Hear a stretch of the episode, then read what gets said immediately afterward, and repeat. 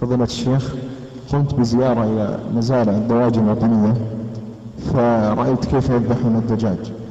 ففي البداية يعلقون الدجاج يعني حتى ما يستطيع أن يتحرك ثم يمر على الذابح فيذبح بدون تسمية. فسألته لماذا لا تسمي؟ قال يعني أنا أسمي في البداية لأن ما أستطيع أن أسمي على 500 ألف دجاجة. فأقول عندما أدخل بسم الله والله أكبر ويكفي هذا. فقلت من سألت؟ قال أهل العلم أفتوا بذلك وأجازوها. فما أدري فضل الشيخ جواز هذا الفعل هو لابد أن يسمي على شيء معين فمثلا إذا صف ألف دجاجة ثم عند تحريك الماكينة قال بسم الله كفى. أنا شايف أن تعلق ويكون رأسها أسفل ثم تمر على الأمواس. فإذا صفت علق له ألف دجاجة مثلا ثم حرك الماكينة تحرك الأمواس يكفي. قال بسم الله على هذه هذه المصفوفة. نعم. فإذا صف أخرى سمى عليه.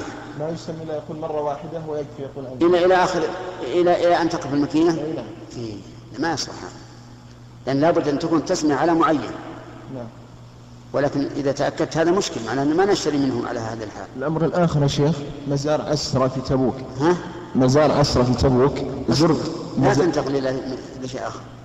حقق لنا هذه المسألة هذه وجدتها في في القصيم. إيه أنا وجدتها. في القصيم. إيه في القصيم.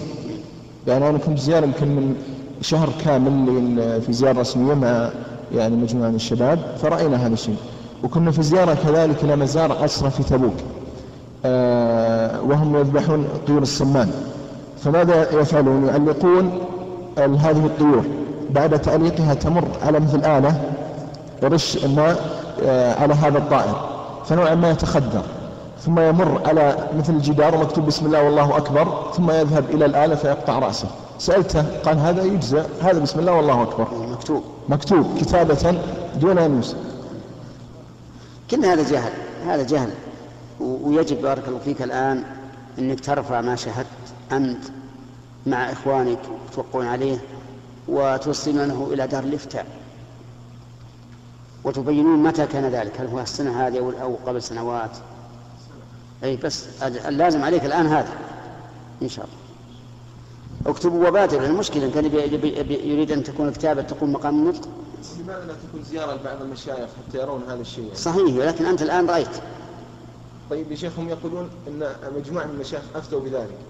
لكن قد يكون بعض المشايخ أفتى بشيء على غير هذا الوجه. وما كتبوا يمكن أفتاه مثل ما قلت لك أنا.